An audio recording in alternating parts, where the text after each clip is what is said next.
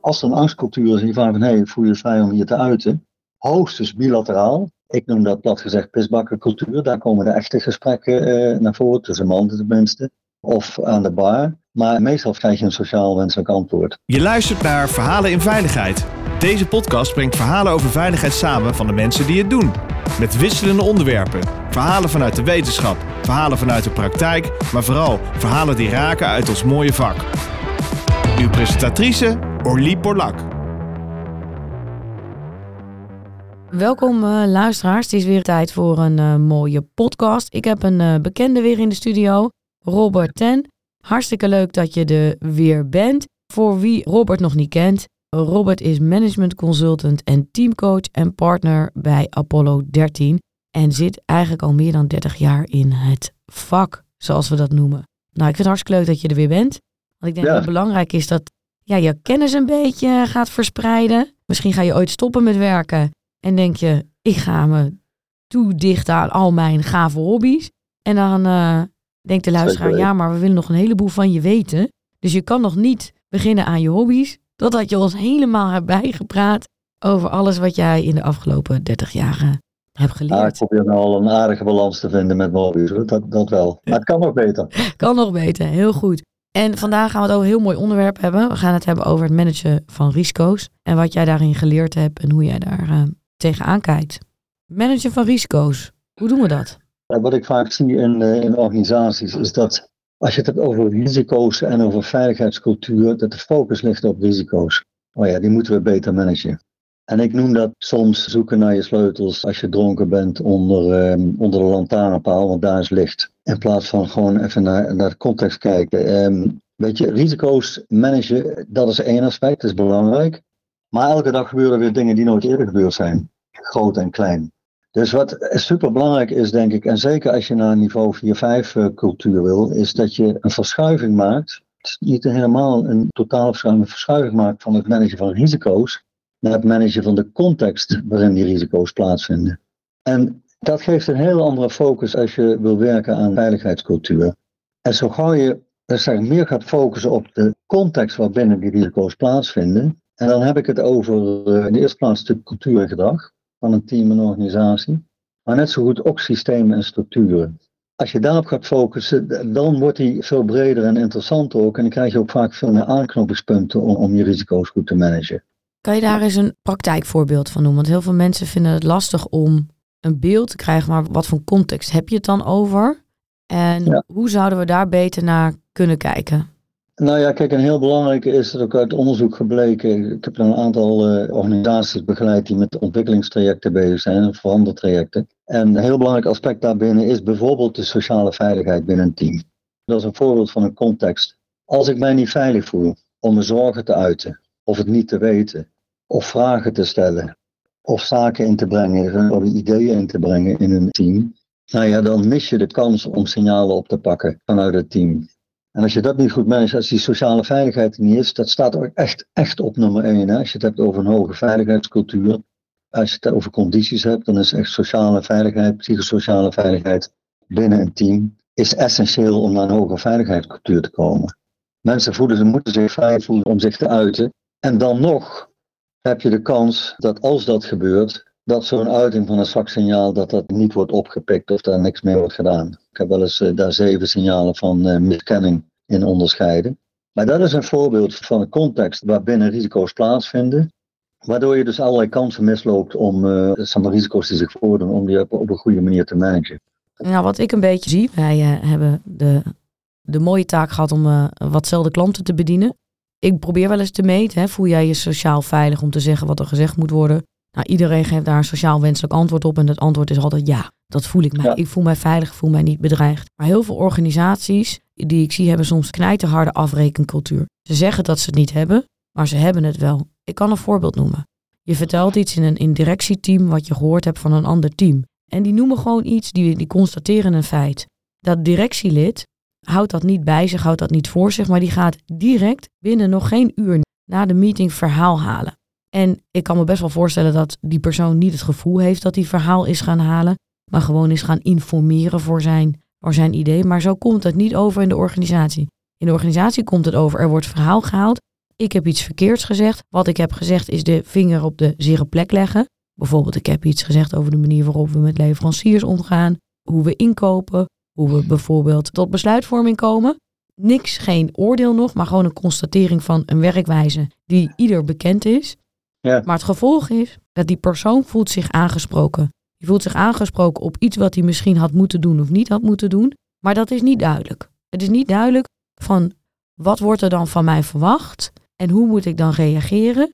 Maar kennelijk is er gedoe, want ik word direct gebeld. En wat ik zie in organisaties over, zeg maar, psychologische veiligheid dat dan aangetast wordt, eigenlijk dit soort dingen. Een afrekencultuur die niet duidelijk is van wat zijn dan die grenzen van ontoelaatbaarheid. Maar die zijn er wel, die zijn voelbaar, want je wordt aangesproken, je krijgt geroddel bij de koffie. En mensen gaan zeggen, oh, wat, wat een zootje is daar. En dat doet wat met mensen en hun, hun veiligheidsbesef. Ja, nou ja, een heel mooi voorbeeld. Bij dit soort zaken is dat een verhouding van 1 op 5 tot 1 op 10. Hè? Je hoeft het maar één keer fout te doen en dan blijft dat nog jarenlang eh, doorslepen. En je moet daar 10 goede voorbeelden tegenover zetten. Best lastig. Ik bedoel, dan heb je het echt over managementstijl, over leiderschapsstijl, over überhaupt openheid en transparantie in een organisatie. En het lastige daarvan is, is dat dat, laat ik zeggen, veel minder makkelijk direct op te interveneren is. Precies wat je zegt, als er een angstcultuur is van hey, voel je je vrij om je te uiten, hoogstens bilateraal. Ik noem dat plat gezegd pisbakkencultuur. Daar komen de echte gesprekken eh, naar voren, tussen mannen tenminste, of aan de bar. Maar meestal krijg je een sociaal wenselijk antwoord. Een van de manieren om daarop te interveneren, sowieso het gesprek aangaan. Hè? Het is natuurlijk nou ook hot in de media, dit aspect. Eh, Angstcultuur zie je steeds vaker eh, verschijnen in de kranten. Is voorbeeldgedrag. Dus dan heb je het over leiderschap. En dan met name over situaties van hey, hoe ga ik in op, op signalen die worden afgegeven. En denk je niet dat het ook soms komt dat we niet reële eisen meer aan elkaar zijn gaan stellen? Is dat we de lat elke keer zo hoog leggen. Dat merk ik bijvoorbeeld bij veiligheid. We willen geen trede 3 cultuur, we willen een trede 4 cultuur, een trede 5 cultuur. En als we dat dan niet halen, dan voelen we ons een stuk minder goed. Dus dat doet iets met onze eigen waarde, dat doet iets met ons zelfbeeld. En mensen raken daardoor in een soort verkrampte situatie. Terwijl ik soms het idee heb dat we het allemaal maar verzinnen. We verzinnen die eisen, we verzinnen dat dit hetgeen is wat we zouden moeten zijn. Dat dit is zoals we een leider moeten zijn, een organisatie moeten zijn, een team moeten zijn. En als we dan ons eigen verzonnen zelfbeeld niet halen, dan zijn we heel erg teleurgesteld in onszelf. Eens, maar je zou ook dat, eh, laat ik zeggen, op, op vijf niveaus kunnen uitleggen. Niveau 1 en 2, dan werkt die dempend van we le- leggen de lat zo hoog, maar we mogen niet met elkaar erover hebben. Dat is een afrekencultuur. Drie is van, eh, nou ja, op papier leggen we de lat hoog en laten we ook zien wat het is. Maar vier en vijf is het gesprek voeren. Hey, we leggen de lat eigenlijk veel te hoog met elkaar. Wat doen we eraan? Vinden we dat ook? Legt dat te veel druk? Eh, moeten we dat anders organiseren met elkaar? Dus ja, het kan belemmerend werken, hè? die lat zo hoog leggen. Maar de manier waarop je daarmee omgaat, ook dat is eigenlijk een, een ongewenste situatie. Laat iets zien van je cultuur. En een 4-5 cultuur, ik haal me die ladder er steeds bij, omdat dat natuurlijk een hele, hele dominante nou ja, zeg maar, thema is op dit moment binnen veel organisaties. Een, um, een 4-5 cultuur betekent dat je iedere keer weer kritisch kijkt naar de afspraken die je gemaakt hebt met elkaar. En daar zeg ook in alle openheid en transparantie en het collectief gesprek over voert. En niet, niet alleen bilateraal. Dat heeft echt te maken met leiderschap en sociale veiligheid binnen een team. En met leiderschap bedoel ik dus misschien het tweede onderwerp. Ik heb dus die sociale veiligheid is belangrijk. Met leiderschap bedoel ik duidelijke normering eigenlijk op alle gebieden. Prima is natuurlijk voorbeeldgedrag. Maar het is ook heel helder met, met elkaar maken of aan elkaar eh, duidelijk maken. En dat is ook leiderschap van een team bijvoorbeeld. Wat willen we dat er per se wel en wat er niet gebeurt. Laat ik zeggen, die vorm van leiderschap, heel helder met elkaar afspreken wat je wel en niet wil, is een essentieel onderdeel van die context. Als we geen duidelijke afspraken hebben over hoe wij de veiligheidsregels die we hebben afgesproken, hoe we die naleven, dan gaat iedereen dat op zijn eigen manier invullen. Dus ook dat is leiderschap. Dat is denk ik een tweede hele belangrijke in, uh, als je het hebt over context. En er zijn natuurlijk redelijk veel theorieën over leiderschap de laatste tijd. En een van de ideeën is, is dat we te instrumenteel met elkaar omgaan. En dat we vergeten zijn hoe, hoe belangrijk het is om op persoonlijk level connectie te maken met mensen. Zodat je dus ook kan praten over de wat lastige dingen. Denk je dat we even hard op de filosoferend dat we door onze efficiëntieslag en het feit ook door in corona dat we van meetings naar meetings gaan, dat we zo strak onze dag zijn gaan plannen, dat we te weinig tijd hebben voor elkaar, voor het echte gesprek? Echte gesprek is denk ik één aspect van, uh, van leiderschap. En leiderschap is bij mij een kwaliteit. Hè. Het zit niet direct vast aan de manager. Het is echt een kwaliteit van een team of van een leidinggevende. Maar leiderschap is denk ik vooral uh, een, ja, ik zeg, noem het maar normering. Met duidelijke normen, normen en waarden met elkaar afspreken. En daarover communiceren. Dat hoeft geen tijd te kosten. Het zit vaak in taal, de manier waarop je met elkaar in gesprek bent. Kleine momentjes inlassen om uh, te reflecteren van hey, hoe ging dit nou? Ja, liep eigenlijk niet zo lekker. Goh, willen we op deze manier met elkaar omgaan? Dat is leiderschap tonen en iedere keer weer even de normen van een groep of een team die je met elkaar afspreekt, weer even scherp krijgen. Een mooi voorbeeld was, ik weet niet of dat de vorige keer genoemd heb, we een team wat had afgesproken, ja, we gaan elkaar aanspreken. Straks als we buiten aan het werk gaan. We moeten ook zeker de opdrachtnemer gaan aanspreken. En toen kwam we erachter van ja, wacht even, als wij dat doen, dan moeten we dat zelf binnen het team ook doen. Dan moeten we ook ons eh, houden aan de afspraken die we gemaakt hebben. En die zijn daar heel concreet mee gaan oefenen. Uh, oh ja, jas op de kapstok hangen, hadden we toch afgesproken? Hé, hey, dat doen we niet. Dus die zijn gaan oefenen om met elkaar collectief leiderschap, hè, noem collectief leiderschap te tonen in de afspraken die je gemaakt hebt. En dan kom je op het punt van, is ook een vorm van leiderschap, ownership van besluiten. Als je eenmaal een besluit genomen hebt met elkaar, dan hou je je daaraan. Ook al ben je als individu in zo'n team, ben je het niet eens met dat besluit wat genomen is.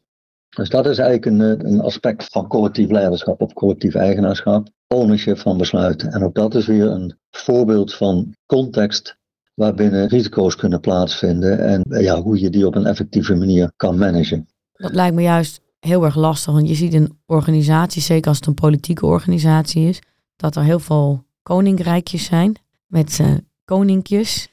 Ik zie het soms als een Game of Thrones. Heb ik in mijn hoofd gewoon letterlijk kasteeltjes waar een kasteel hierop staat. En die gaat vooral de pijlen richten op de ander, zodat zijn kasteeltje blijft shinen in de mooie zonlicht en het de prachtige heuvels aan. En als je dan collectief leiderschap wil, dat willen ze wel, denk ik, want dat is, dat is moreel het juiste en dat, en dat vinden mensen ook best wel gezellig en dat is harmonieus. Maar het gaat ook wel in tegen hun belangen. Dus als de een de belang heeft om op de centen te letten en de ander heeft belang om op de tijd te letten en de ander heeft belang om op de kwaliteit te letten en de ander heeft belang om op de stakeholders te letten, dan is de allergrootste uitdaging is een gedragen besluiten. Ja, nee, maar dat is, dat is de praktijk van organiseren. Zie je natuurlijk heel vaak. Dat, dat zit 100 jaar organiseertraditie achter, zou, ik wel eens willen zeggen. Dat, dat zijn, kende de, de silo-verhaal.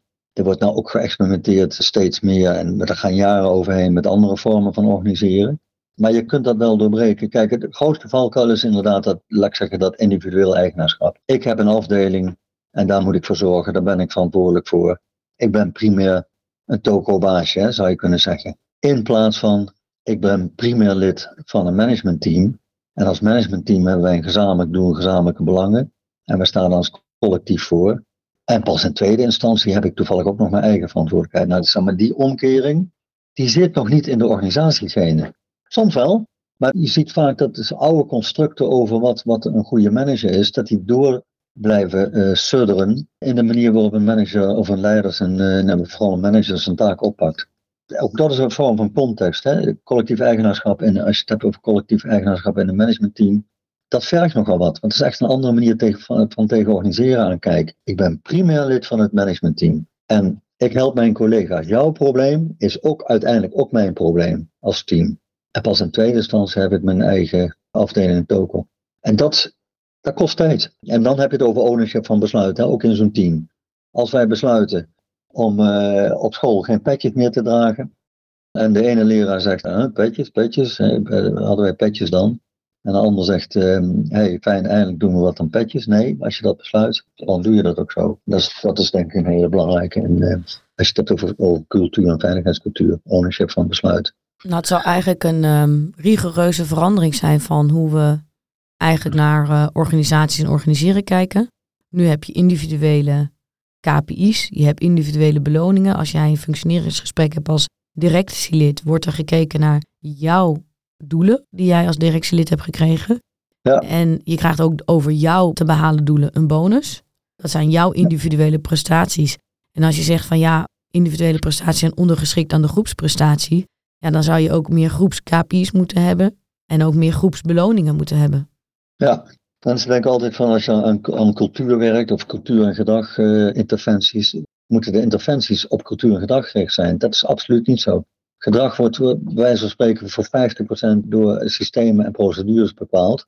En dit is een mooi voorbeeld daarvan. Laat ik zeggen, een dysfunctioneel effect van um, het beloningssysteem. Dus ja, helemaal mee eens. Daar zitten vaak al allerlei weeffouten in. Maar het zit ook in de verdeling van uh, taken en verantwoordelijkheden. Überhaupt de mindset, rapportages. Het gaat allemaal over hoe richten wij onze zaak zo in dat er collectief eigenaarschap ontstaat binnen een team in plaats van dat individueel leiderschap en eigenaarschap van een manager. Het zit ook al in de manier waarop een organisatie getekend wordt. Hè? Je, hebt, je ziet vaak een organisatieplaatje, ja, dan staat de manager bovenaan zijn eigen afdeling. In plaats van dat die getekend is in het managementteam. Het zijn hele kleine voorbeelden van interventies. Taal doet een ding, maar beelden hebben ook effect. Ik heb toch nog een vraagje. Zou je organisaties meer kunnen structureren als gewoon de politiek gestructureerd is met meer een polderachtig model in partijen en belangen? Er is geen eenduidig, wat mij betreft geen eenduidig antwoord op te geven. Want je wil eigenlijk je organisatie contextafhankelijk inrichten. En soms heb je situaties dat je een heel strak hiërarchisch model nodig hebt. In een crisissituatie bijvoorbeeld is dat zo. Dan kun je niet meerdere kapiteins op één schip hebben. Maar in vredestijd kan het wel weer handig zijn om op die manier te organiseren. Het is ook experimenteren met elkaar wat werkt wel en wat werkt niet. Ik bedoel, iedereen kent ook een teams, al is maar een vriendenteam, waarin er geen duidelijke leider is, maar ieder zijn eigen kwaliteit heeft. Weet je, dan, dan heb je helemaal geen hiërarchie. Dan is er wel sprake van collectief leiderschap en dan maak je optimaal gebruik van, van elkaars kwaliteiten. Iedereen kent ook teams waarin op geen enkele manier van elkaars kwaliteiten gebruik wordt gemaakt, maar juist men voortdurend bezig is om elkaar te disqualificeren. Kwaliteiten die mensen niet hebben. Dus het is echt contextafhankelijk hoe je organisatie wil inrichten. Maar de grootste uitdaging is denk ik om, om uit traditionele organiseerpatronen te stappen die soms op een aantal punten gewoon dysfunctionele uh, effecten hebben. Dus zoals bijvoorbeeld dat individuele leiderschap van, uh, van afdelingen. Heb je wel eens een organisatie mogen adviseren wat je zegt, nou, hoe zij invulling geven aan dat collectief leiderschap, dat is wel echt heel inspirerend. Mijn partner die werkt bij buurtzorg. En dat is natuurlijk een bekend voorbeeld van waar er geëxperimenteerd wordt met teams die uh, zelf organiserend zijn. Waarin, laat ik zeggen, het leiderschap ook verdeeld is eh, binnen een team. En je ziet vaak in kleinere teams, als je het hebt over uh, bijvoorbeeld kleinere projectteams, waar mensen elkaar goed kennen, daar ook veel tijd en energie in hebben gestopt, daar zie je vaak ook voorbeelden, liefst nog opdrachtgever, opdrachtnemer hè, bij elkaar, voorbeelden waarin dat collectief leiderschap ontstaat. Maar het is, je zou bijna kunnen zeggen, het is nog sterk heel persoonsgebonden. Het zit nog niet die aspecten van collectief leiderschap, hè, ownership van besluiten. Ik ben primair lid van, eh, van het managementteam of van een IPM-team, als je, als je praat in termen van, uh, van projectteams. En pas in tweede instantie heb ik mijn eigen toko. Dat zit nog niet in degene van het organisatie en het organiseren, patronen en denken. Dus dat kost tijd. Mooi, dankjewel. Eigenlijk is misschien dat ook wel een advies voor iedereen die naar meer treden 5 cultuur zou willen, is richt je eens op dat collectieve leiderschap, op dat collectieve eigenaarschap. En probeer naar risico's te kijken in een context. En pas daarbij ook je ja, manier van organiseren en sturing op aan. Dat is wat je zegt. Ja, daar komt het op neer. Het is um, collectief leiderschap. Als je het hebt over context, hè, dus collectief leiderschap is een belangrijke. Daar hebben we het over gehad. Um, de manier waarop je met signalen omgaat is een hele belangrijke. Uh, worden die opgepakt, weet je dan helder waar je naar moet kijken als individu. Worden die gedeeld met elkaar? En hoe wordt daarop gereageerd? Dat is een hele belangrijke in, uh, in die context. Sociale veiligheid hebben we genoemd, hè? zit daar vast. En als laatste misschien, dat is het leren. Heb je een cultuur, dat geeft weer op, zich alweer een, ehm, een, een vorm van sociale veiligheid. Heb je een cultuur waarin mensen mogen leren? En organiseer je ook je systemen op zo'n manier, of je, je praktijk of je dagelijkse manier van werken, dat je dagelijks leert en reflecteert. Nou, dat is misschien dan het laatste um, aspect van context. Hebben wij een context waarin we gewend zijn om elkaar te leren fouten te maken en dat te zien als, als pareltjes, als kansen om te kijken, hé, waar kunnen we verbeteren? En hebben we daar het open gesprek over. En ik moet zeggen, dat laatste aspect, het leren van de dagelijkse praktijk en van die dagelijkse pareltjes die zich weer voordoen, dat is echt een, een, een zwaar ondergeschoven kindje, stept in uh, over organiseren en organisaties en teams. En daar oh. kan veel en veel meer aan gedaan worden. Nou, mooi. Dankjewel weer voor deze gave podcast. Wie weet weer uh, tot uh, in de toekomst. Oké, okay, veel succes. Hey, dankjewel. Je luisterde naar Verhalen in Veiligheid. Wil je niks missen van deze podcast? Abonneer je dan op deze podcast in je favoriete podcastplatform. Of laat een recensie achter via Apple Podcast. Dank voor het luisteren. Graag tot de volgende.